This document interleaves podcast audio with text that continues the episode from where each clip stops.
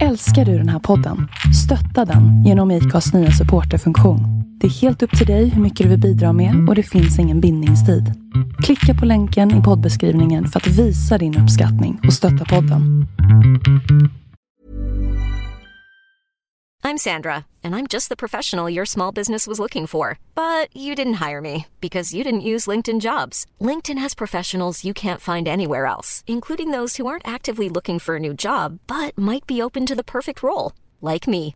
In a given month, over 70% of LinkedIn users don't visit other leading job sites. So if you're not looking on LinkedIn, you'll miss out on great candidates like Sandra. Start hiring professionals like a professional. Post your free job on linkedin.com/people today.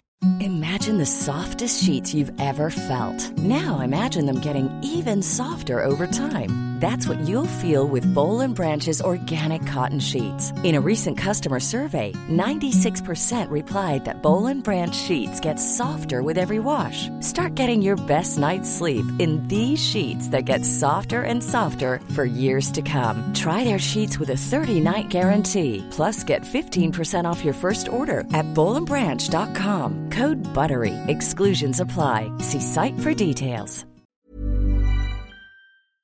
Jag heter Linda Hörnfeldt och du lyssnar på We Are Influencers avsnitt 75.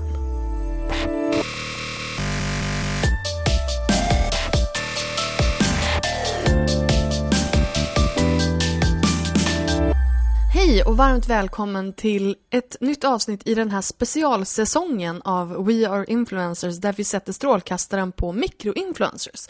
Det här är alltså profiler som med en tydlig nisch och ett relaterbart liv har byggt en karriär i sociala medier utan att ha de här enorma följarskarorna.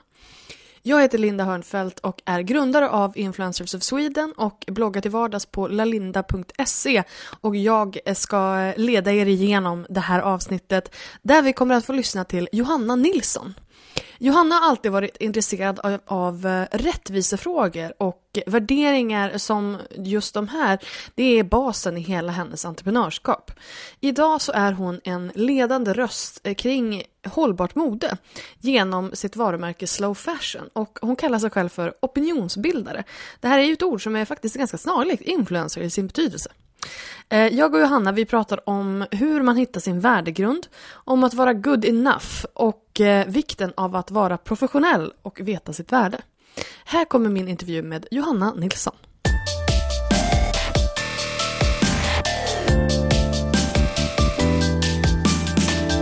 Hej och välkommen Johanna, en slow fashion-personen. Tack. Det var bästa eh, presentationen. ja. Eller hur? Och det, det, det, det, nackdelen med det här är att det märks lite grann när jag känner folk eh, som jag bjuder in. Och då blir jag lite flamsig så här. Så att det, det är så det kommer att bli idag. Men då tar vi ner det. Du, du tar ner det. Du, du är en väldigt professional person. så att du kan ju liksom då ta ner mig några nivåer. Det låter som att jag är jättetråkig. Det är så. Nej, du, är- du är en asproffsig människa. Jag är ganska strukturerad i alla fall. Ja, det är bara för, förordet höll jag på att säga. Berätta. Berätta om Johanna.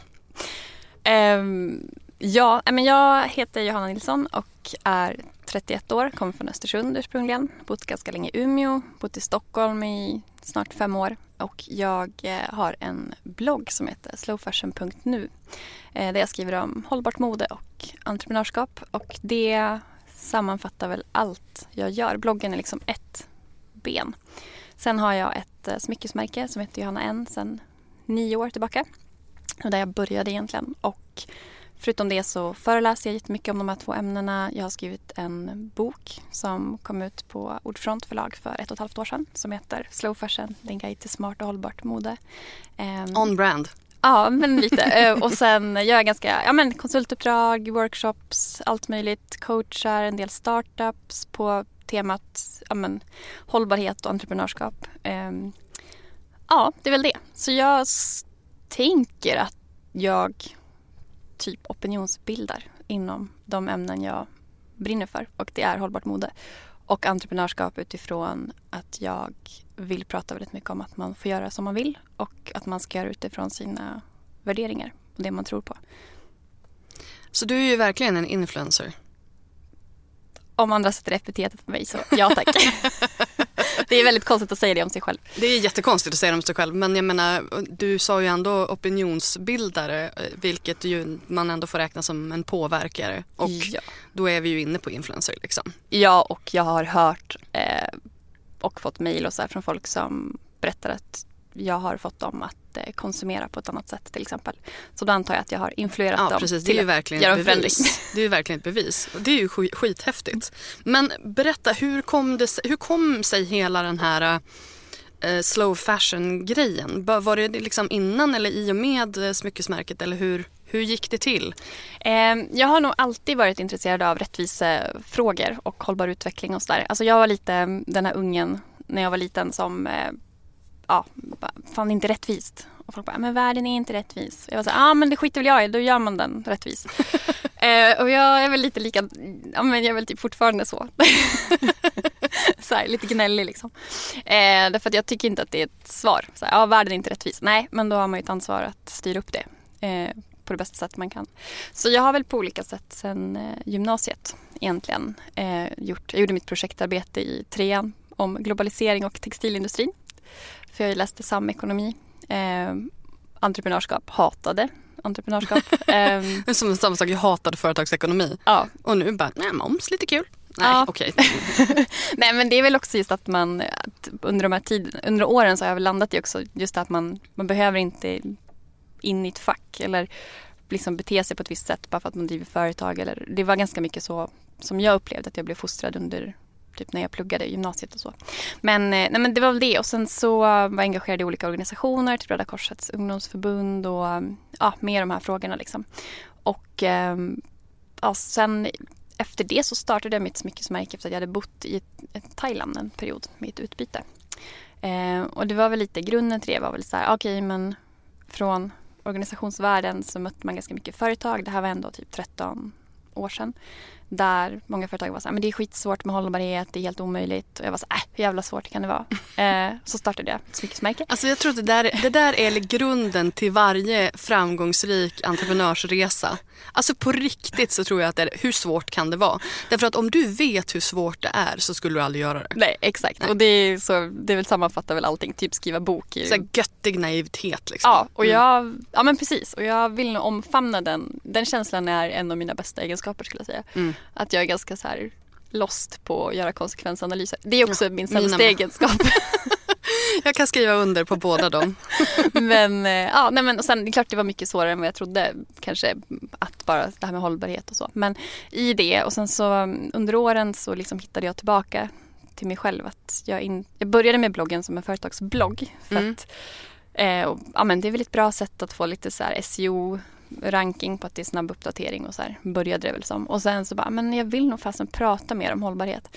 Ehm, till att jag idag bara, men det är ju det här det är det här jag ska göra. Så att jag, är lite, jag har liksom kommit tillbaka till där jag började lite med från organisationshållet med påverkansarbete och eh, ja, men så här, att inspirera andra att förändra saker. Liksom. Eh, så man kan väl säga att jag har skapat, om jag började i en organisation så har jag väl på något sätt byggt den typ själv. Om man, det låter kanske lite förmätet men jag har byggt en egen plattform för där jag får prata om de här sakerna. Jag behöver inte göra det genom någon annan typ. Ja, men du, du har ju verkligen lärt som du lever, lever som du lär. Jag hoppas det. heter Jag tänker det i alla fall. Ja men alltså, det, det känns ju så. Alltså, och jag älskar att jag har ju fått vara med lite grann på den här resan. Eh, första gången vi träffades, jag hade ju en, en webbshop för hundra år sedan. Typ Eh, fyra år sedan kanske. Ja, det känns som att det är hundra år sedan. Det här var ett av mina mindre lyckade eh, entreprenörsdrag. Så att säga, jag bara, e-handel, det är kul. Och så, sen så var jag inget bra på det. Det var, det var inte alls min grej. Eh, och det här, det här var precis innan jag startade Better bloggers. Så Jag att, tror att du var bra men det var bara att du skulle ha gett det typ fem år till. ja, precis. Och jag gav det ett halvår. Mm. men alltså jag tror att när jag hittade Better bloggers då var det som att men det, jag brann så mycket mer för den grejen och då var jag tvungen att välja. Liksom. Ehm, men det jag ska komma fram till här är att jag då hade hittat Johanna N, smyckesmärket, som jag då ville ha i den här shoppen. Så första gången jag träffade dig var på ett möte på mitt gamla kontor och jag minns att mitt intryck av dig, du var så otroligt liksom bestämd och var så otroligt tydlig i dina värderingar, hur saker och ting skulle gå till. Eh, alltså jag kände att jag bara så här, okej, nu blev jag, blev lite rädd. Men det var för att jag inte hade någon koll liksom, och du hade stenkoll. Eh, så att jag, jag blev lite rädd och lite kär. Eh, då. Men sen om vi, liksom, om vi spolar fram lite grann så minns jag när vi satt eh, i din butik, din gamla butik, butikreplik som du hade i Vasastan. Ehm, som du stängde för ett halvår sedan? Ja, ett år sedan. Sålde. Mm. Ja. Och eh, eh, då pratade vi om just de här grejerna. Alltså just om bloggen och jag tyckte att du skulle lägga mer fokus på dig själv och prata mer om, om just de här, de här grejerna. Så det, det är så roligt att se hur det har utvecklats. Mm. Liksom, att, man har fått, att jag har fått hänga med lite på the sidelines. Så, sådär. Ehm, ja, för den här bloggen då kom den liksom som lite grann från, från, från vänster. Eh, hur, hur viktig har den varit i utvecklingen av allt det här?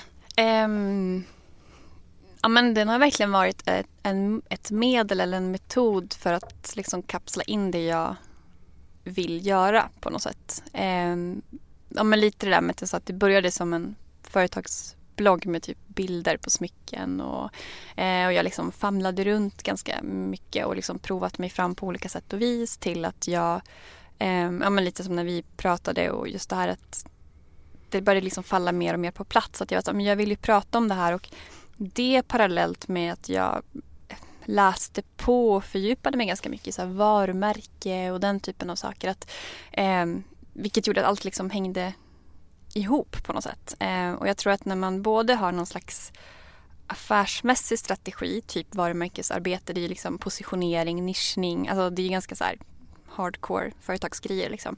Det tillsammans med eh, magkänsla och värderingar. Eh, då föll det liksom på plats. Så när jag startade mitt smyckesmärke så, det, så eller när man startar företag överhuvudtaget så kommer det så jäkla många förståsigpåare som ska tycka massa grejer och tipsa. Och jag satt ju på en inkubator i Umeå första två åren och eh, det var fantastiskt i form av att jag lärde känna väldigt många personer som också startade företag och vi, vissa är jag fortfarande jättebra kompis med. Men det var också att man kom in i den här startup världen med entreprenörstävlingar och man skulle pitcha och man skulle göra exit och man skulle öka sin omsättning med 500% på ett år och ta in riskkapital och, och jag var så här, fan jag vill inte göra någonting av det här. Men jag tänkte att man inte fick tycka det. Så jag kände mig bara totalt jävla misslyckad. Till att jag idag känner mig så här, så här ett har jag lärt mig att, jag tror att det har med erfarenhet att göra också, att nu har jag liksom nio år i ryggen. Vilket gör att när det kommer den här ja, men typ medelålders mannen, ganska klassiskt. Eh, eller ett, jag har valt bort de sammanhangen för att ge mig ingenting. Men när jag hamnar i ett sånt sammanhang så kan jag liksom rakryggat säga att ah, tack för tipset men jag har gjort så här och det har funkat skitbra. Eh, jag behöver inte lyssna och det tror jag kommer av erfarenhet. Eh, men sen att jag också aktivt hela tiden omger mig med människor som typ bekräftar men också pushar mig eh, utifrån rätt håll. Att en sak som betytt ganska mycket för mig var typ fem år sedan så eh, fick jag en mentor i Umeå. Jag fråg, eller vi träffade på varandra i ett sånt här sammanhang. En medelålders man som också har drivit företag i massa, massa år. Eh, och så frågade jag om han ville bli min mentor och han är extremt värderingsdriven. Och det var så himla skönt att få den här personen med jättemycket erfarenhet som liksom bekräftade mig i den här magkänslan i saker.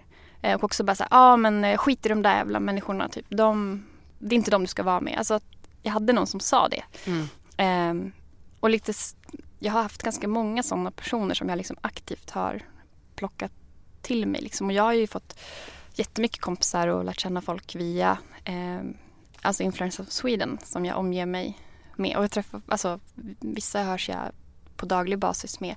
Allt ifrån att liksom bolla grejer till att bara peppa. Och, eh, och jag tror att det har ju påverkat skitmycket i min egen utveckling. Att jag är en sån person som blir bättre av att bolla med andra liksom. Eh, och inspireras av andra också såklart.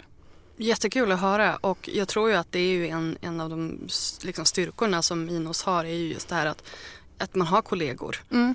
och man har människor i samma liksom, situation mer eller mindre som man kan, eh, ja, som man kan bolla med. Liksom. Men att också verkligen aktivt välja de som Ja, har samma absolut. grundvärderingar som Mm. en själv. Ehm, Och lite i samma, som, ligger, som är i samma eh, utvecklingsfas kanske. Ja, och absolut. Jag ska säga också att det är ingen som gör samma nisch som mig. Men däremot kanske det är andra som eh, ja, men typ som Elin Häggberg som har varit med, vi hörs ganska ofta för att vi har liksom samma syn på vad vi vill göra. Vi är också väldigt så smala, typ nischer båda två. Fast Mm. vi är helt olika så har vi ändå samma typer av eh, utmaningar. Mm. Eh, så, som jag kanske inte delar med vissa andra. Liksom. Mm. Så att välja lite vilka personer och vilka frågor man diskuterar med olika personer också tycker jag är superviktigt. Jag tycker att det här är så intressant. Jag vill lite reflektera till mig själv i det här du säger med liksom startup-världen. För jag har också hängt där. När jag grundade Better Blogger så hängde jag mycket i startup-svängarna och det var mycket så här äh, riskkapital, exit. Det var mycket, eh, det skulle gå fort och det skulle vara väldigt pengafokuserat. Medan jag också var väldigt så här värderingsfokuserad. Att, nej, fast jag vill ju bygga någonting som, som gör skillnad i människors liv och inte nödvändigtvis bara drar in en massa pengar. Sen hade det ju varit trevligt om det gjorde både och. Men, men och, så, och jag tror också det, just det här när jag, när jag liksom kom på, alltså jag skrev ett blogginlägg bara förra veckan om det här. Just det här att, som jag kallade jag vill inte lyckas som entreprenör. Eh, på det här klassiska sättet. Jag vill inte jag gör inte det här för att jag ska bygga ett stort bolag och ha en massa anställda och dra ut en massa bonusar och sådär. Utan jag gör det här för att jag vill ha en, en livsstil som jag inspireras av och som är hållbar i längden. Liksom. Och lite det som, eh, ja, men som när jag pratar och skriver om entreprenörskap och så här, just de här sakerna. Att, att hela tiden backa tillbaka till sig själv. Det är också lite där, jag jobbar med slow fashion men även i det här slow living konceptet och det här att göra saker utifrån, ja men, ja, men med allting egentligen. Gör jag det här för att det förväntas av mig eller gör jag det för att jag verkligen vill det själv? Ehm, och vad, vad lägger jag själv i begreppet? Typ som du pratade om, framgång eller att lyckas eller Mm. vad får mig att må bra? Eh, och vad gör mig stressad? Kan jag plocka bort de sakerna? För att vi lever ju ändå, alltså jag vet ju att jag är extremt privilegierad i form av att jag har skapat det här jobbet som ger mig de här möjligheterna. Liksom. Eh, och det är inte alla förunnat. Men å andra sidan tror jag att det är fler som har möjligheten att göra saker eh, utifrån sina egna drömmar än som kanske vet om det också. Eh, att det är så lätt att man typ har ett fett banklån och bara jag kan inte byta jobb, jag hatar mitt jobb men eh, ja, jag kan inte för att jag har så mycket kostnader eller vad det kan vara. Men att faktiskt backa tillbaka och bara men vad är det jag vill göra och vad är det som kan möjliggöra.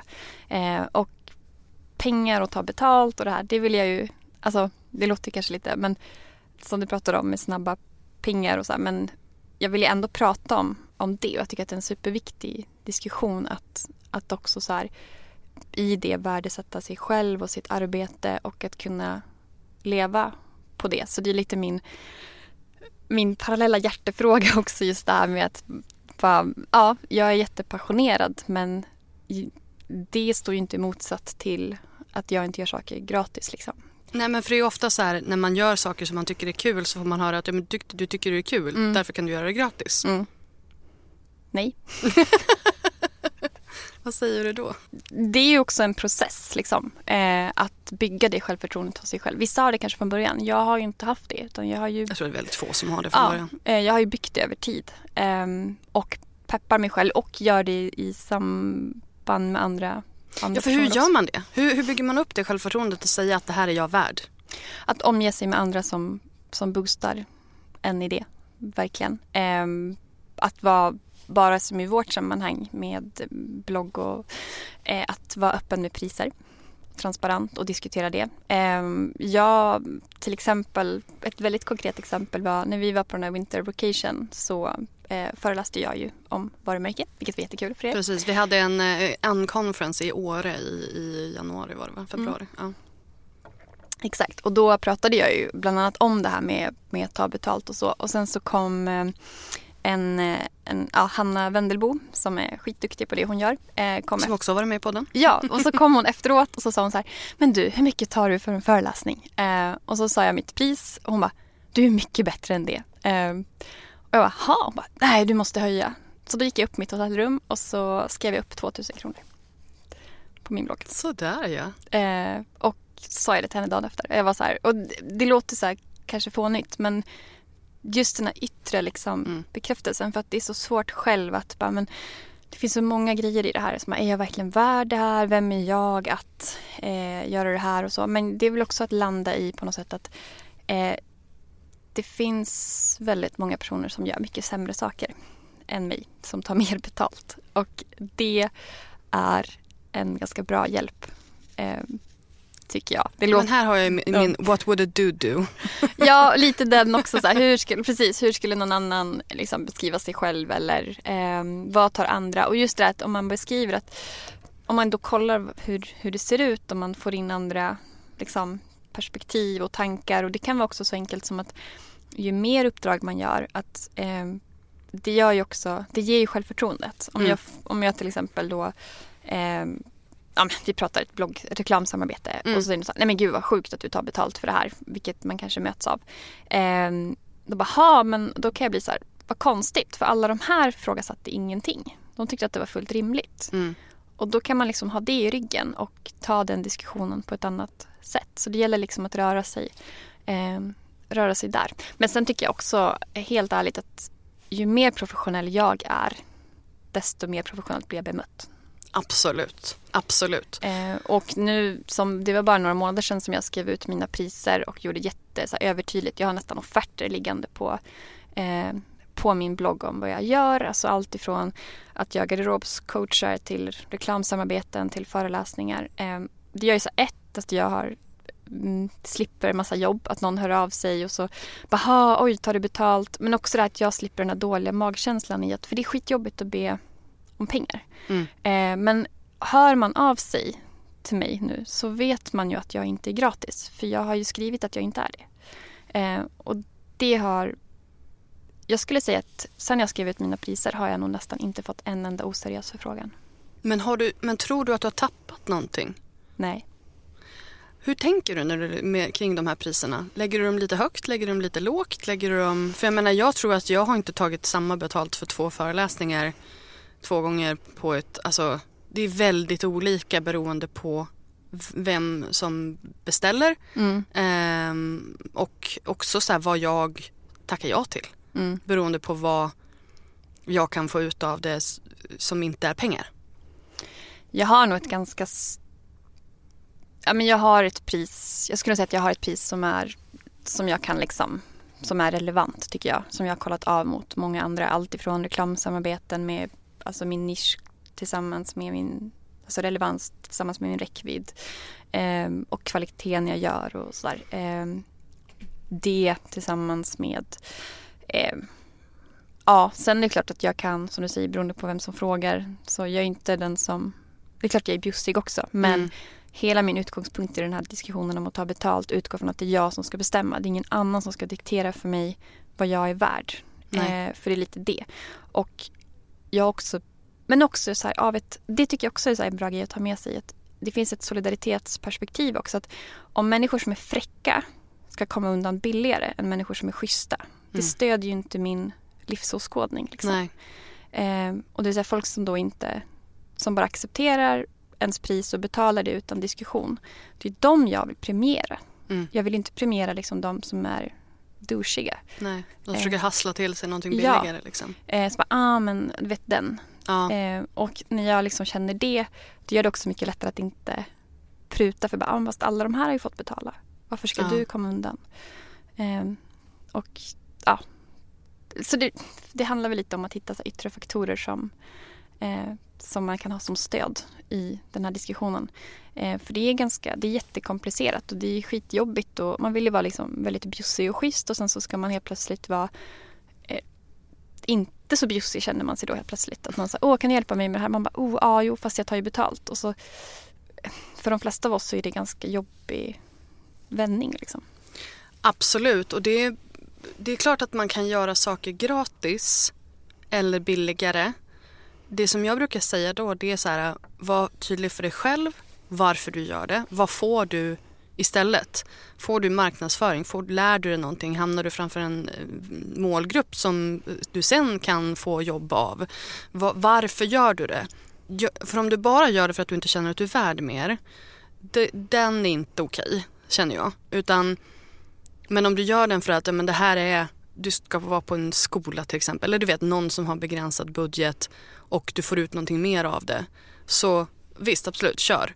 Um, och sen också om du ger ett rabatterat pris vara tydlig med att det är ett rabatterat pris. Absolut. Så att de inte tror att ja, men det här är mitt normala pris utan då får man ju säga att nej men nu är jag schysst mot er därför att Mm. etc. etc. Liksom. Men jag tycker överlag, alltså just det här att, att det självförtroende är ju det är nog det som jag känner att jag har det största med liksom att driva företag och det där jag känner att utvecklas hela, hela tiden och bara så men som reklamsamarbeten har jag gått från att tänkt att jag aldrig ska göra det eh, till att nu har jag liksom en, en väldigt tydlig strategi och det handlar ju mest om min egen personliga resa. Alltså från att jag har haft en tanke om att man är en sellout till att man gör reklamsamarbeten till att jag har liksom omvandlat det till att så här, men fasen det är ju jag kan stå för det så himla tydligt och så rakryggat.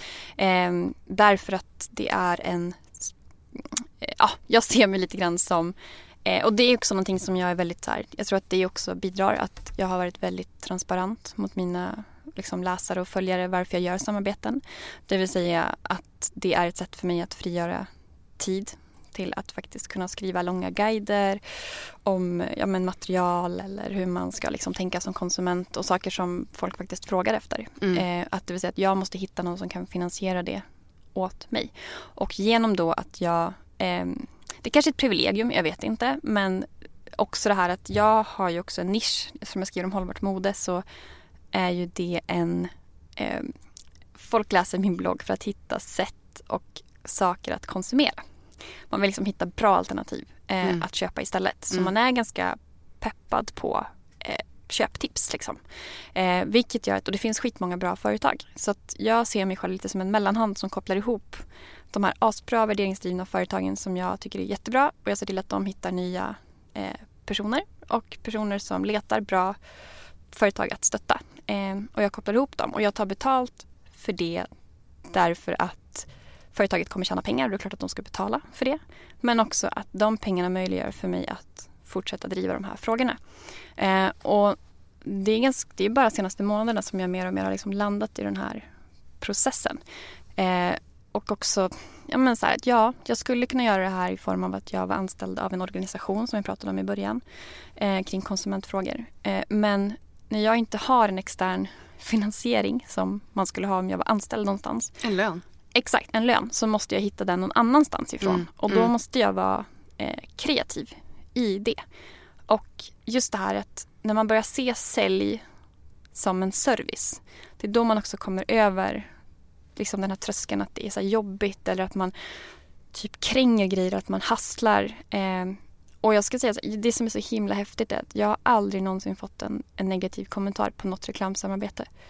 Utan jag brukar få så här, åh tack, det är det här jag har letat efter Mm. eller Då Eh. gör man ju rätt. Ja men det, jag tror att det är också för att jag väljer ganska, jag är ju, jag hoppas och tror att alla fattar att jag inte jobbar med vem som helst. Liksom. Hur tänker du då? Vad är din strategi när du, när du väljer samarbetspartners? Att det är företag som jag till 100% tror på. Ehm, jag vill att det ska gå bra för dem. Jag tycker de är skitduktiga. De är värderingsdrivna. De är, jag vill också att det är, jag jobbar bara med företag som jag känner. Alltså i form av att jag vet hur de har tänkt kring saker. För mig handlar hållbarhet väldigt mycket om eh, Alltså det är en ganska djup diskussion. Eh, det är mycket avvägningar om man jobbar med produktion till exempel.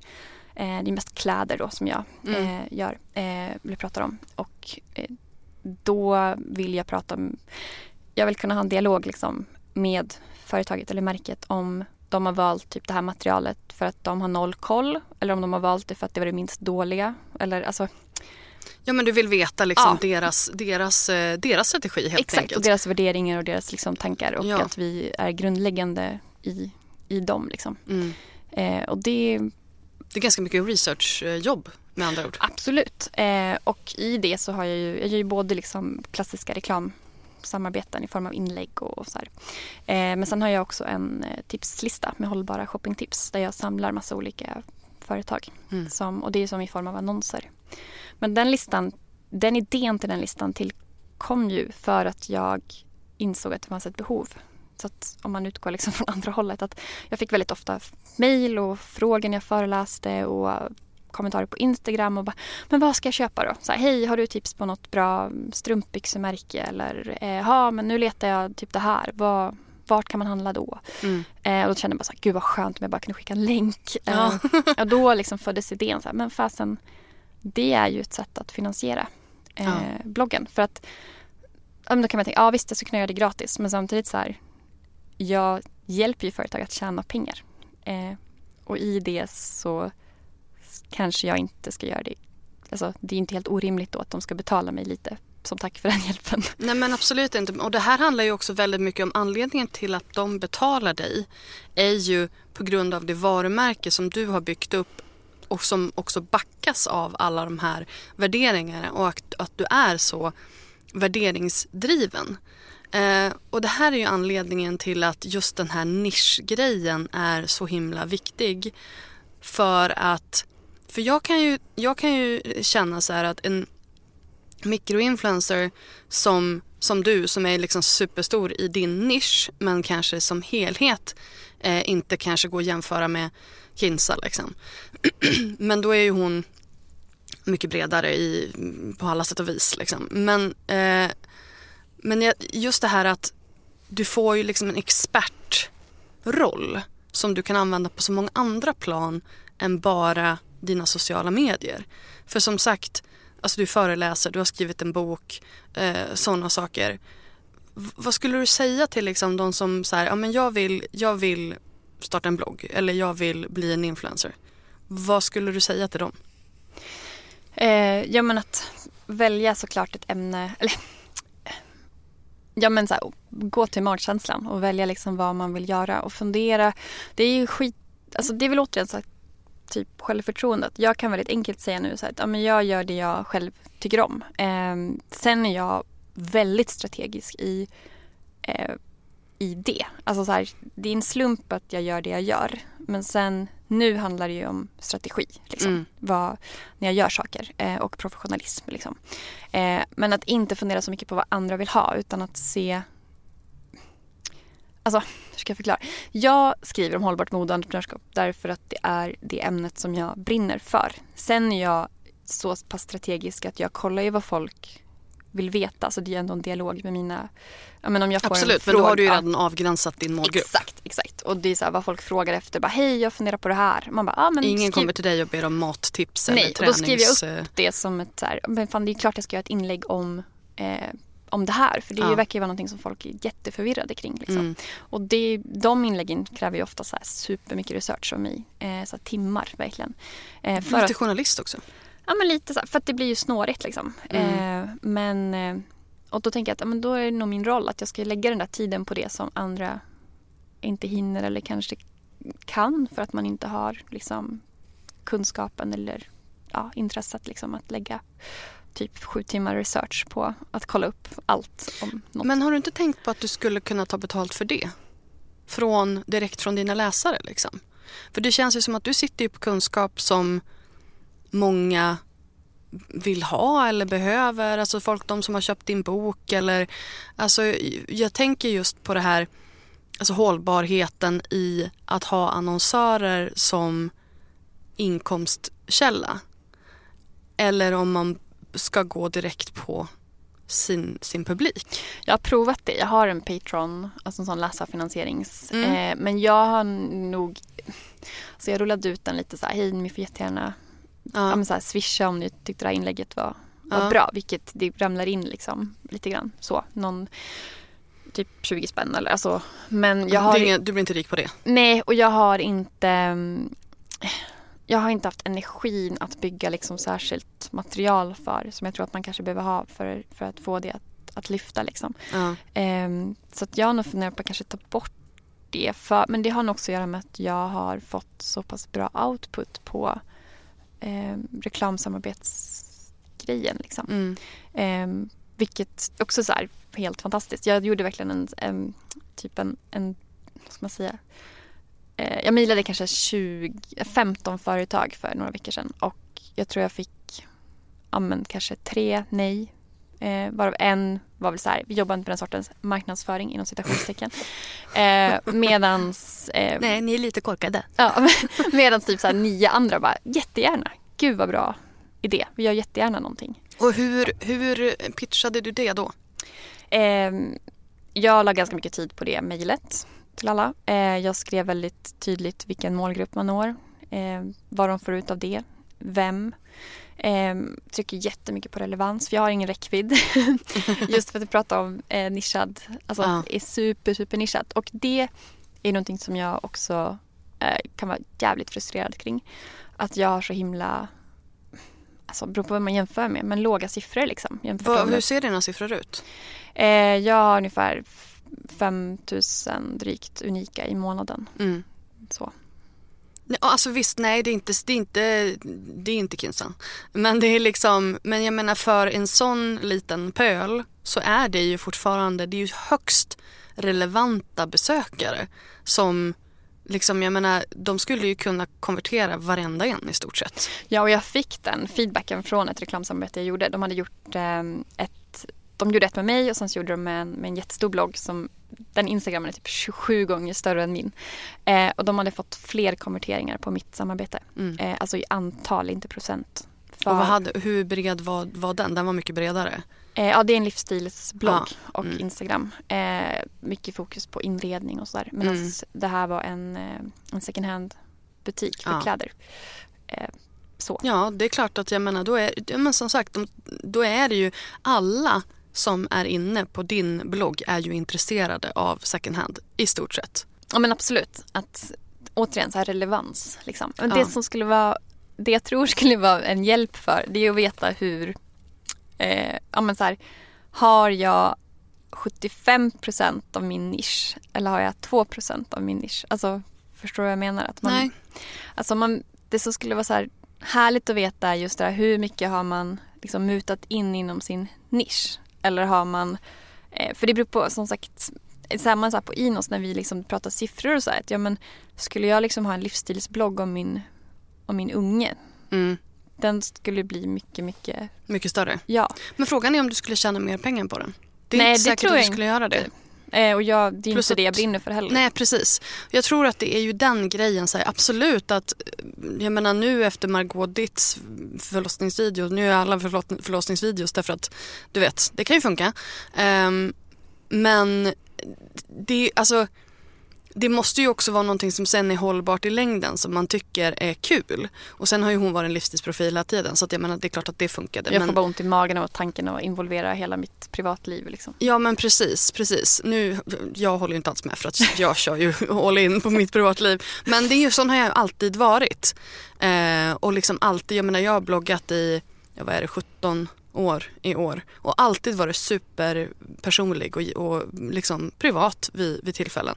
Ehm, därför att jag tycker om den, den nivån, att ha den nivån med sina läsare. Men då är inte jag liksom expert på någonting i stort sett. Förutom Blogg. Ja precis. ja men alltså visst influencer business den biten liksom. Men, men eh, min blogg har ju aldrig Flexibility is great. That's why there's yoga. Flexibility for your insurance coverage is great too. That's why there's United Healthcare Insurance Plans. Underwritten by Golden Rule Insurance Company, United Healthcare Insurance Plans offer flexible, budget friendly coverage for medical, vision, dental, and more. One of these plans may be right for you if you're, say, between jobs, coming off your parents' plan, turning a side hustle into a full hustle, or even missed open enrollment. Want more flexibility? Find out more about United Healthcare Insurance Plans at uh1.com. Hiring for your small business? If you're not looking for professionals on LinkedIn, you're looking in the wrong place. That's like looking for your car keys in a fish tank. LinkedIn helps you hire professionals you can't find anywhere else, even those who aren't actively searching for a new job but might be open to the perfect role. In a given month, over 70% of LinkedIn users don't even visit other leading job sites. So start looking in the right place. With LinkedIn, you can hire professionals like a professional. Post your free job on linkedin.com/people slash people today. Millions of people have lost weight with personalized plans from Noom, like Evan, who can't stand salads and still lost 50 pounds. Salads, generally, for most people, are the easy button, right? For me, that wasn't an option. I never really was a salad guy. That's just not who I am. But Noom worked for me. Get your personalized plan today at Noom.com. Real Noom user compensated to provide their story. In four weeks, the typical Noom user can expect to lose one to two pounds per week. Individual results may vary. Aldrig varit så supernischad som din är. Men jag tror att det är lite det också som vi pratade om, just det här att hitta när man hittar, när saker faller på plats. Och det är det jag känner att när jag liksom hittar allt ifrån liksom självförtroendet i hur man eh, paketerar, liksom vilka ämnen man ska skriva om. Men också sådana linjer som så här, vad exakt ska jag röra mig? Eh, ja, men så här, ska jag lägga upp om det här eller vad förväntas det av mig? Men, och det är också så skönt att jag vet ju precis vilka ämnen jag ska skriva om. Mm. Eh, och i de ämnena kan jag vara, alltså jag tror, här, jag tror att man vet väldigt tydligt vad jag har för värderingar. Jag Mm. tror att man vet liksom ganska mycket eh, vad jag står för och liksom tycker om saker och vad som gör mig förbannad och den typen av grejer. Men man vet inte vad min sambo heter. Nej. För det har jag aldrig berättat för han vill absolut inte vara med. Eh, så. Och ja, Men din dotter har ju varit med på några Instagram-bilder i alla fall. ja. Men så jag menar det är ju ändå så här, hon kommer med när det blir relevant för Precis. den andra och delen. det har liksom. varit lite våran, eller det är liksom när jag pratar utifrån mitt perspektiv. Hon är med utifrån två ämnen egentligen. Inte utifrån sig själv utan när det handlar om att driva företag och ha barn. Mm. Eh, för det är någonting som påverkade, det har påverkat mig och gör det väldigt mycket. Eh, och då måste jag lyfta in henne. Liksom. Eh, och sen eh, alltså hållbart mode för kids. Och det är också någonting som många frågade efter. Mm. Eh, och liksom var så här, "Ja, men nu när du har fått barn, nu måste du skriva om hur man ska tänka kring barnkläder. Och jag tänkte ju skitmycket kring det och gör fortfarande hela tiden liksom, eftersom det är mitt jobb. Och det där är ju ett exempel på hur ditt, hur din nisch på något, något vis också förändras med ditt liv. Absolut, men jag har ju aldrig skrivit liksom hur skriver ju inte om hur, alltså Du skrev ingen förlossningsberättelse? nej absolut inte. Däremot så här, hur, vi, hur vi tänkte kring prylar. Ja. För det är det, jag skriver om konsumtion. Liksom. Precis. Ehm, eller hur, om hur det har funkat att vara föräldraledig och jobba samtidigt. Mm. Ehm, deltid, driva företag och vara hemma halvtid. Och så. Ehm, så att då får hon liksom vara ja, med. För det är klart hon har påverkat mitt liv väldigt, väldigt mycket. Såklart, men du, ta, du har inte plockat in henne helt random liksom, utan då, då är det ju saker som är kopplade till, till din nisch. Ja, Och det är väl det som är liksom, det ska ju fortfarande Alltså det är, väl, det är väl någonstans blir två parallella grafer liksom som går, eh, du vet här har du liksom ditt liv och här har du din nisch och de måste ju följa varandra. Så vad som händer i ditt liv påverkar ju hur din nisch eller hur din blogg, alltså hur dina sociala, me- sociala medier rör Absolut. sig. Ehm, men inte att det liksom sticker iväg så. Nej, och jag tycker att det är superviktigt också att liksom visa att man själv utvecklas. Alltså till exempel eh, så sa jag i början på det här året att jag har kommit fram, landat i att jag inte ska flyga eh, Mm. av miljöskäl. Jag har liksom aldrig, den poletten har inte trillat ner hos mig innan. Mm. Eh, men nu är det någonting som jag vill jättegärna prata om. För Mm. det är någonting som jag har processat super, super mycket. Eh, Min hund äter och dricker i bakgrunden. Så att, men det här är, jag tror att ni är vana nu kära, kära lyssnare. Ja men precis. Så det är, och det är ju...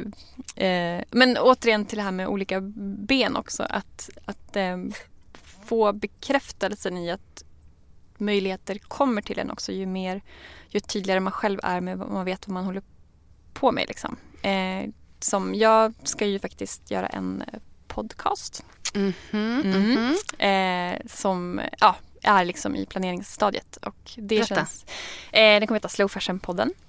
Surprise, surprise. Ja.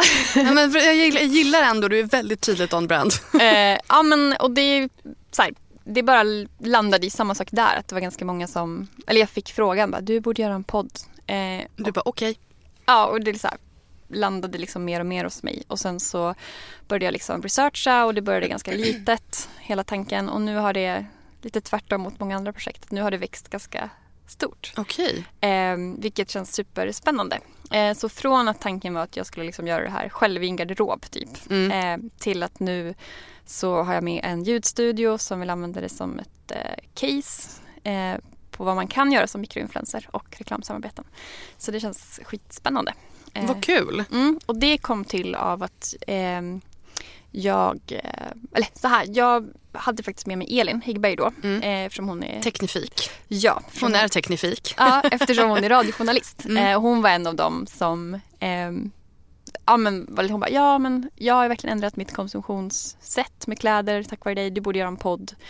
Eh, för det skulle vara kul. Typ. Och jag Mm. bara, ja okej om du hjälper mig för att jag kan inte det här. Eh, Mm. och ska jag göra något så ska jag göra det bra. Det är liksom min utgångspunkt i saker. Ehm, och då började vi, gjorde ett pilotavsnitt och sen så vi bara, måste ha en studio. Så fick vi tips på Beppo ljudstudio som gör ganska mycket olika poddar och radioprogram och så här. Så mejlade vi dem och eh, fick ett möte och deras liksom hyra av studio var så här väldigt långt ifrån vår nollbudget. eh, men de var så här, fast samtidigt vi kan också tänka oss, eh, vi skulle behöva göra ett case kring mikroinfluencers. Mm. Eh, influencers. Mm. För att de har jobbat med radioreklam väldigt länge och väldigt mycket och det ju, funkar ju inte längre. Nej. Eh, så de liksom bara, men vad kan man göra i ett väldigt nischat sammanhang? Mm. Och hur kan man jobba med eh, samarbetspartners? Och hur kan man väva in det? Eh, så att, och det känns så här superspännande. Och också det här återigen självförtroende-grejen att komma dit och möta liksom andra sidan, eller vad man ska säga. Ja. Och vi var på samma, exakt samma nivå. Och, för det är lite det här att man ibland får liksom, som vi pratar om, när man ska liksom förklara för ett företag hur de kan jobba med en, att man känner att man stångar sig lite blodig. Ja. Eh, att de, vi jobbar inte med den sortens marknadsföring eller vi vill ha det genuint, då betalar inte vi. Man bara, mm. Men om jag ska lägga sju timmar på det här och ni ska få det bra så måste ni liksom. Ja. Eh, och så kommer man dit och de bara så här, men det är ju självklart. Eh, och det är ju det är ju sammanhanget man köper in sig i, allt det vi pratar om. Eh, trovärdigheten, relevansen. De var så här, De fattar content. Ja, de var så här, räckvidd, det, det är bara skit typ. Eh, nu är det relevans. Ehm, Och eh, så i det liksom. Mm. Eh, och vi har, ja men det kommer bli så himla himla roligt tror jag. Eh, så det är lite i planeringsstadiet. Men jag kan prata om det för det kommer att hända. Ja, men vad, alltså, jag tycker det här är ju, det här är ju verkligen skitkul. Mm. Och så just det här att du kommer då med värde som, som lär folk någonting. Mm. Och då är det ju högst relevant. Det är ju det som är liksom, det, det är ju där det kokar, kokar ner. Mm, och det känns kul också att få kunna kanske fördjupa på ett annat sätt som man inte kan göra i bloggen. Eh, Hur tänker du, ska det här vara liksom säsongs, eh, alltså att du kör en säsong eller ska det vara löpande, ska det vara gäster? Eh, det vi har bestämt nu är fem avsnitt eh, till att börja med. Liksom. Så Mm. får vi testa och utvärdera. Och du och Elin gör den tillsammans? Ni prov, Elin kommer vara lite av en sidekick så vi ser något Ah. avsnitt och sådär. Eh, men nu är det ju Beppo som kommer vara hela teknikdelen. just ja, just ja. Och det känns så fantastiskt kul att få så här proffsljud, proffsklippning. ehm, allt det. Och Men det kommer bara vara du, du kommer inte intervjua? Jo, vi kommer med okej. lite olika. Okej. Eh, och Elin kommer vara med. Ehm, det väl liksom grundtanken för det är också kul. Hon är att- bara the noob. Eh, ja men exakt, att liksom lyfta in ehm, hon får liksom personifiera eh, Ja. läsaren lite grann. Alltså, Precis, den som vill lära sig mer och komma in i Ja, det här men, men också- inte, som, som har frågor. ja men precis, men Mm. samtidigt tycker jag det är superviktigt att prata om, alltså, jag hoppas verkligen inte, och det skulle vara min mardröm, att man skulle se mig som någon slags person som har någon så här fonoben eh, perspektiv, alltså att jag skulle vara Lite besserwisser. Exakt, det är Mm. liksom det sista jag vill vara. Jag vill väldigt gärna prata om eh, oavsett, ja men min egen, så här, mina egna tankar och resor och liksom vad, hur svårt det kan vara kring med hållbart mode eh, och utmaningarna där men också som vi pratar om entreprenörskap att prata om när man har misslyckats som grejer och eh, det tycker jag också är super det är också superviktigt att inte bara prata om Absolut. de här liksom, att man är lycklig och allt är perfekt. För det är Nej, inte nej, så nej. det ser ut. Nej, och jag menar då blir man ju inte relaterbar. Nej. Man måste ju visa att man är mänsklig för att det ska gå att relatera till en på det sättet. Men vi pratar ju väldigt mycket om liksom hållbarhet, men, men vad betyder det för dig? Ehm, det utgår från en tanke om solidaritet och empati skulle jag säga. Ehm, det här att jag vill inte att mina val ska påverka andra människor negativt. Ehm, om man pratar till kläder och textil så 80% av alla i världen som jobbar med eh, alltså inom textilindustrin är unga kvin- är kvinnor, framförallt unga kvinnor. Vilket gör att så här, det går att relatera. Att hade jag varit född i Bangladesh så hade jag antagligen varit den som hade sytt Mm. tröjor och inte kunna leva på min lön. Eh, och eftersom jag är en person som vill kunna få betalt för mitt arbete och inte bli sjuk av mitt jobb eh, så känns det ju rimligt att jag unnar andra människor samma lyx typ. Mm. Eh, och utifrån det liksom, perspektivet tycker jag med allting. Liksom. Och det är liksom slow fashion. Men det här med slow living. Mm. Vad, hur, Alltså, hur ser du på det? båda, alltså slow fashion, all, det är egentligen att man saktar ner och liksom stannar upp. Eh, och just det här med att prioritera kvalitet framför kvantitet. Eh, och att man ser på mod, man värdesätter eh, kläder och andra saker. Det är liksom slow fashion. Eh, och slow living är ju samma tanke egentligen. Att, att stanna upp och sakta ner. Och det som vi pratade om från början där. Att, att driva företag. Att, eh, just det här, att gör jag det här för att jag själv vill eller gör jag det för att det förväntas av mig? Och att Mm. det kanske inte ens är någon som har sagt det att det förväntas. Du bara, man bara tror det för att man har fått för sig någonting. Ja, eller man hänger i, i kretsar där, Ja. där ja, saker och ting tas som självklara. Mm, men rädd att göra folk besvikna. Det är liksom den, alla de typerna av, av saker. Ehm, men sen, det beror på vad man lägger in i begreppet. För många handlar ju slow living om att liksom flytta ut på landet och bli självhushållande. Plastbanta. Ja, och jag är absolut inte en sån person. Och, eh, men jag vill ändå liksom toucha Kvali- lite. kvalitet före kvantitet. Exakt, och, liksom att, och med det begreppet också kapsla in vi pratar om just den här, liksom, vad är kontakten mellan typ entreprenörskap och hållbart mode? Ja. Eh, Förutom att jag driver företag. Men, men just det, att, ja, men jag tror jättemycket på att göra det utifrån sina egna spelregler, att hitta balans, att liksom inte eh, att utmana normen om att jobba ihjäl sig för att det är så finare typ om man driver eget. Eller hur? Att stress är någon form av... Eh, Egen syfte typ. Ja, och, no, och, och lite så här eh, en eh, statusgrej. Exakt. Den som jobbar typ mest är bäst. Precis. Den som, den som jobbar ihjäl sig först vinner. Mm. Och det är också så här, jag bara, ja fast då jobbar man ju antagligen ganska korkat. Ja, hur Nej, jobbar men- man bättre då? Nej men att, ja, men återigen så här, stanna upp. Typ, ehm, ja, men som idag så har jag, nu har jag faktiskt varit ledig fyra dagar. Så här, inte kollat Facebook eller någonting. Det är också Du har varit helt påskledig. Exakt. Jag har Eh, inte kollat mejlen. Eller jo, kanske någon gång. Men Mm. inte så här. I vanliga fall så har jag min mail-app uppe Mm. hela tiden på datorn. Ehm, men nu har jag faktiskt haft den nedstängd och så bara kollat då och då och stängt ner. Mm. Så att för mig var det Mm. liksom paus. Ja, men verkligen, och så här, ja, men just det att så här, pusha sig själv att vara offline och inte vara beroende av liksom. För mig handlar det ganska mycket om ett test också. Så här, att se om jag, ja. För det är så alltså jag är ju beroende. Nu har jag liksom öppnat upp Facebook och allt igen efter fyra dagar och nu sitter man ju och kollar hela tiden liksom. Eh, och jag har, nu har jag, vet inte vart jag ska börja med alla grejer. Jag är skitstressad men ja. men just det här att bara typ börja dagen med att och det här är ju också en process att träna på också, vilket jag blir bättre och bättre för varje år. Men att bara, okej vad är det viktigaste idag? För mig var det så här, packa ordrar, göra den här podden och sen ska jag göra ett blogginlägg. That's it. Och sen får allt annat bara tryckas åt sidan och så gör jag resten imorgon. Eh, men att så här, bara jobba smartare liksom.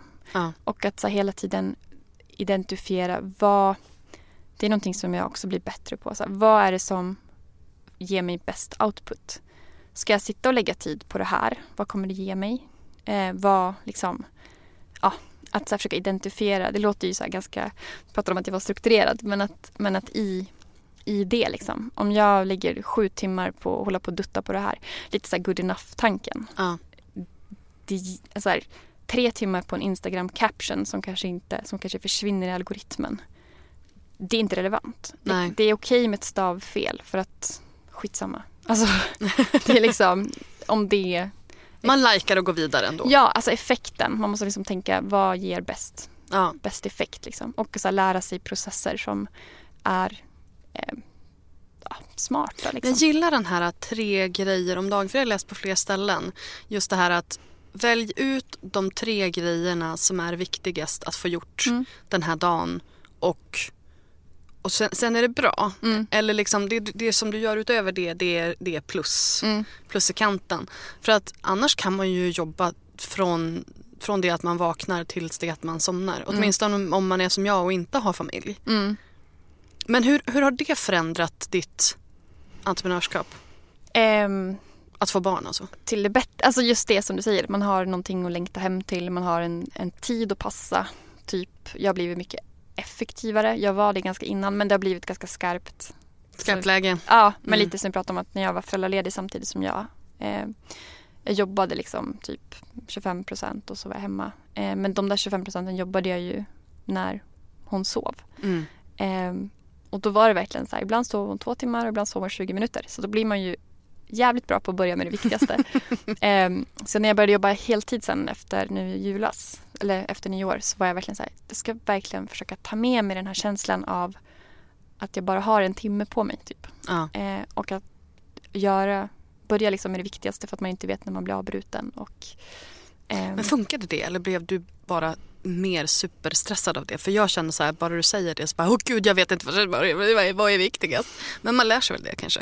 Ja, jag tycker att det funkar bra. Ehm, jag gör typ så här timscheman ganska ofta. Mm. Ehm, att jag bara, men nu har jag en timme till mejlen och det gör också att man för mig kan det vara så att men det här med liksom, det, det sätter sig som en rutin också men man ska, man ska sätta mätbara mål vilket kan vara ganska svårt. Mm. Eh, särskilt när man har, typ som nu när jag har jättemycket obesvarat. Men om jag sätter en timme, det kommer jag lyckas med oavsett. Sen vad som är kvar, det är så här, det får vara, så tar jag det imorgon. Ja. Eh, istället för bara, jag ska, jag ska göra mejlen. Då kommer jag Ja. känna mig misslyckad Ja.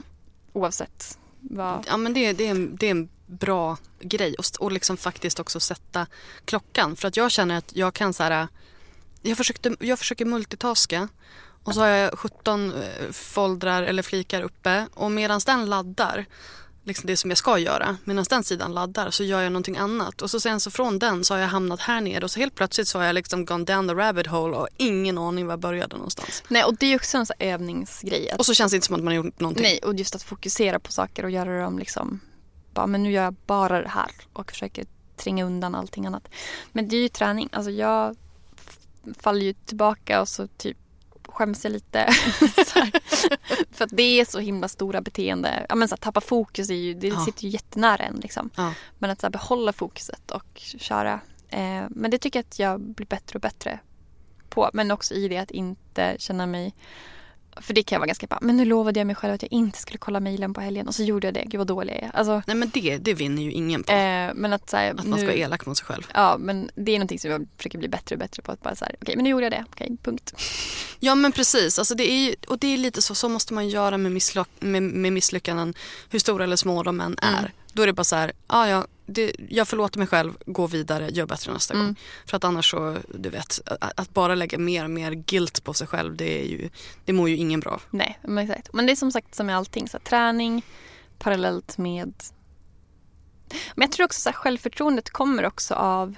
Eh, alltså jag märker att jag får mer självförtroende när jag har empiri på saker. Alltså som vi pratade om, typ ja, men så här, reklamsamarbetssälj. Att när Mm. jag fick höra från liksom en som, som jag gjort ett samarbete med att jag hade bättre output än en stor influencer. Mm. Då blir jag så här, fan det är klart jag, alltså det ger mig så himla mycket självförtroende då i dialog med andra företag. Mm. Ehm, att, och liksom att samla på de här Och att, sakerna. jag känner också så här, och att agera, att, att, att agera på dem ganska fort. Alltså när man är på det där hajet, Mm. då är det så här, ja men sätt, släng på en tusenlapp på det där priset som du har på hemsidan. Eller skicka iväg ett pitchmail. Eller du vet, gör någonting så att, så att det här hajet blir en, en bestående grej. Mm. Liksom. Så att du faktiskt har agerat på att du kände att du kom ett steg längre. Liksom. Absolut, och just i det också lite samma så här, som vi sa i början, alltså det här med ehm, eh, ja, att så här, men hur svårt kan det vara eller good enough. Alltså just det här, att det är bättre att göra det Ja. än att sitta och så här, skriva typ det perfekta mejlet eller Precis. ehm, utan mer så här, bara, men det är bättre att bara få rutin på saker Ja. och se till. Kanske inga stavfel i pitchmail. Nej, fast Men- är det så, så okej tråkigt, då bränner Ja men man. precis, liksom. precis. Men man, man kanske ska ändå läsa igenom. Ja, jo en men extra såklart. Eh, och så här, rätta till till nästa. Men, men alltså det här att inte Eh, don't vara för rädd för saker. Utan att så här, kasta sig lite ut och sen så kan man korrigera det på, på vägen. För att i det också så här att hade, vänt- hade man väntat på att allt skulle vara perfekt då hade man ju aldrig kommit igång. Plus att man utvecklas över tid. Alltså, jag menar, jag, ty, alltså jag, får ju, jag tycker ju så här, ju bättre jag själv blir eller liksom mognar, det gör ju också att jag eh, kan tycka Ja men så här, det kan ju vara att jag har hållit en föreläsning några gånger och så kan jag bara känna att efter föreläsningen så bara, fan det här gick ju inget bra. Det här gick jättedåligt. Och så backa tillbaka till sig själv och så bara, men gick föreläsningen dåligt? Eller är det jag som börjar känna mig klar? Alltså att jag behöver utveckla den. Ja. KBT sig själv lite grann. Ja men mer så här, den är fortfarande lika bra som första gången jag höll den. Ja. Men under de här gångerna jag har hållit den så har jag processat fram nytt material och insikter eller liksom saker som jag skulle vilja ta upp. Mm. Eh, eller bara, åh det skulle vara schysst att ha en grafik med här. Alltså vad som Ja. helst. Och då är det så lätt att fastna i att man har misslyckats. Fast egentligen handlar det om att man själv har Förbättrat. ja, och utvecklats Ja. och vill ta det till nästa nivå. Precis. Liksom.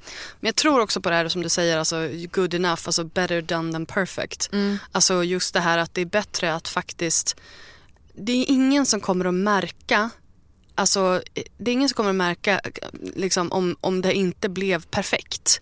Om det inte blev som du hade tänkt dig. Mm. Jag höll en föreläsning för inte så länge sedan eh, och jag tyckte att jag var så här, jag kom av mig och jag var liksom så här, jag, jag, det var inte min bästa, min bästa gång om man säger så. Och när folk kom fram till mig efteråt och bara gud vad bra det var, jag lärde mig så himla mycket och, du, du, du. och då var det så himla lätt att jag bara "Ah, nej fast alltså oj oj oj, oj jag, jag tycker inte att det var så bra och du vet sådär. Då är det så bara, men håll käften, lyssna på vad de sa. De märkte inte, de visste inte hur det skulle ha varit egentligen. Utan de kom därifrån och hade ny kunskap och de var peppade på det. Så liksom, rid på det. Och eh, nästa gång blir det bättre liksom. Ja, det tror jag verkligen. Och sen också att eh, ja, men, gå tillbaka till det här lite grann. Så här, vad skulle andra ha? Ja, men, så här, lite att jag vet ju vilken hög... Alltså, Man är ju sin egen största kritiker. ja, och så jag vill ju alltid göra mitt bästa. Och jag vet Såklart. att oavsett när jag går in i någonting så gör jag det så bra jag kan. Ja. Vilket är bara att jag har den ambitionen gör mig bättre än många andra som går in och skiter ganska mycket i saker. Precis, bara ryck på axlarna och bara ja ja. Ja, så här, inte har läst på eller Nej. den typen av saker. Eh, ja, och det gör ju att även mitt sämsta, eller vad man ska säga, är inte så himla dåligt som jag tror. Jag hörde ett så himla bra citat. Eh, jag har ingen aning vem som sa det eh, men jag kommer att börja använda det och det var att eh, förberedelse ger utrymme för spontanitet. Och det tycker jag var så bra. Det är lite så jag känner så här, när, när, när man blir intervjuad eller man föreläser eller vad så här, och man kan sin grej då kan det, det kan gå lite fel och man kan få en fråga från vänster som man kanske inte var förberedd på. Därför att man är så grundad i det man kan och i, sina värderingar. Och det måste ju du känna också. Alltså just det här att det spelar inte riktigt någon roll vilken fråga du, du får. Om du inte har förberett dig för just den frågan så går du ju bara tillbaka till värdegrunden. Har man den värdegrunden så går det inte riktigt att rucka på en.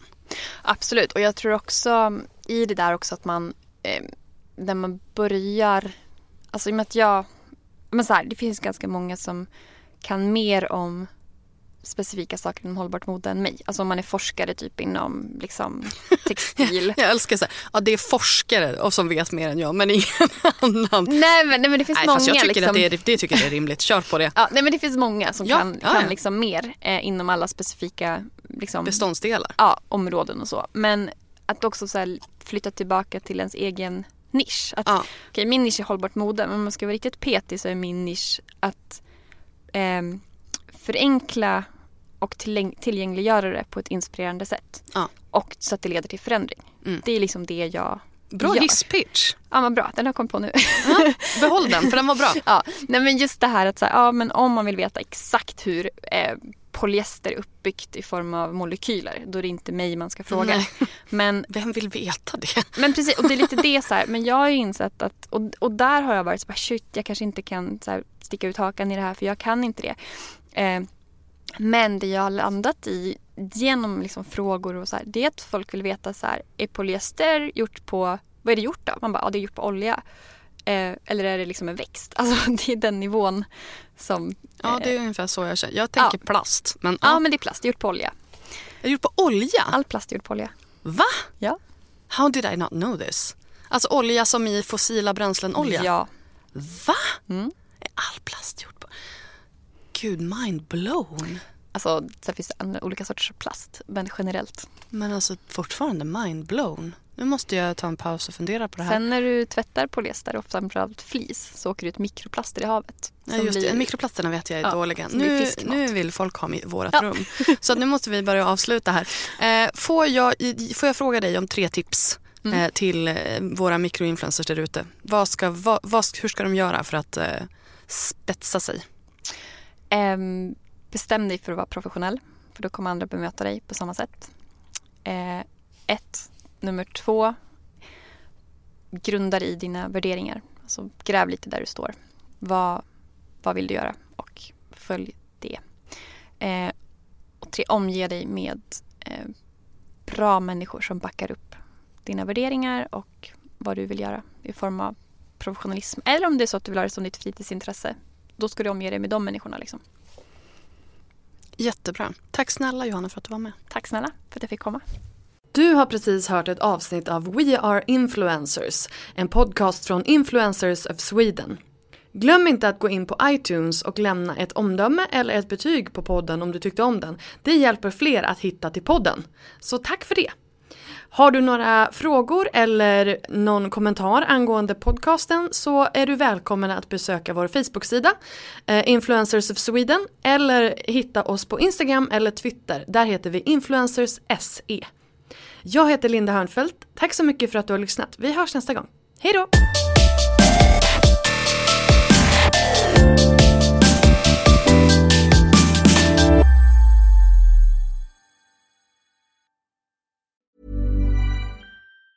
Mom deserves the best, and there's no better place to shop for Mother's Day than Whole Foods Market. They're your destination for unbeatable savings, from premium gifts to show-stopping flowers and irresistible desserts. Start by saving 33% with Prime on all body care and candles. Then get a 15-stem bunch of tulips for just $9.99 each with Prime. Round out Mom's menu with festive rosé, irresistible berry chantilly cake, and more special treats. Come celebrate Mother's Day at Whole Foods Market. Mom deserves the best, and there's no better place to shop for Mother's Day than Whole Foods Market. They're your destination for unbeatable savings, from premium gifts to show-stopping flowers and irresistible desserts. Start by saving 33% with Prime on all body care and candles. Then get a 15-stem bunch of tulips for just $9.99 each with Prime. Round out Mom's menu with festive rosé, irresistible berry chantilly cake, and more special treats. Come celebrate Mother's Day at Whole Foods Target.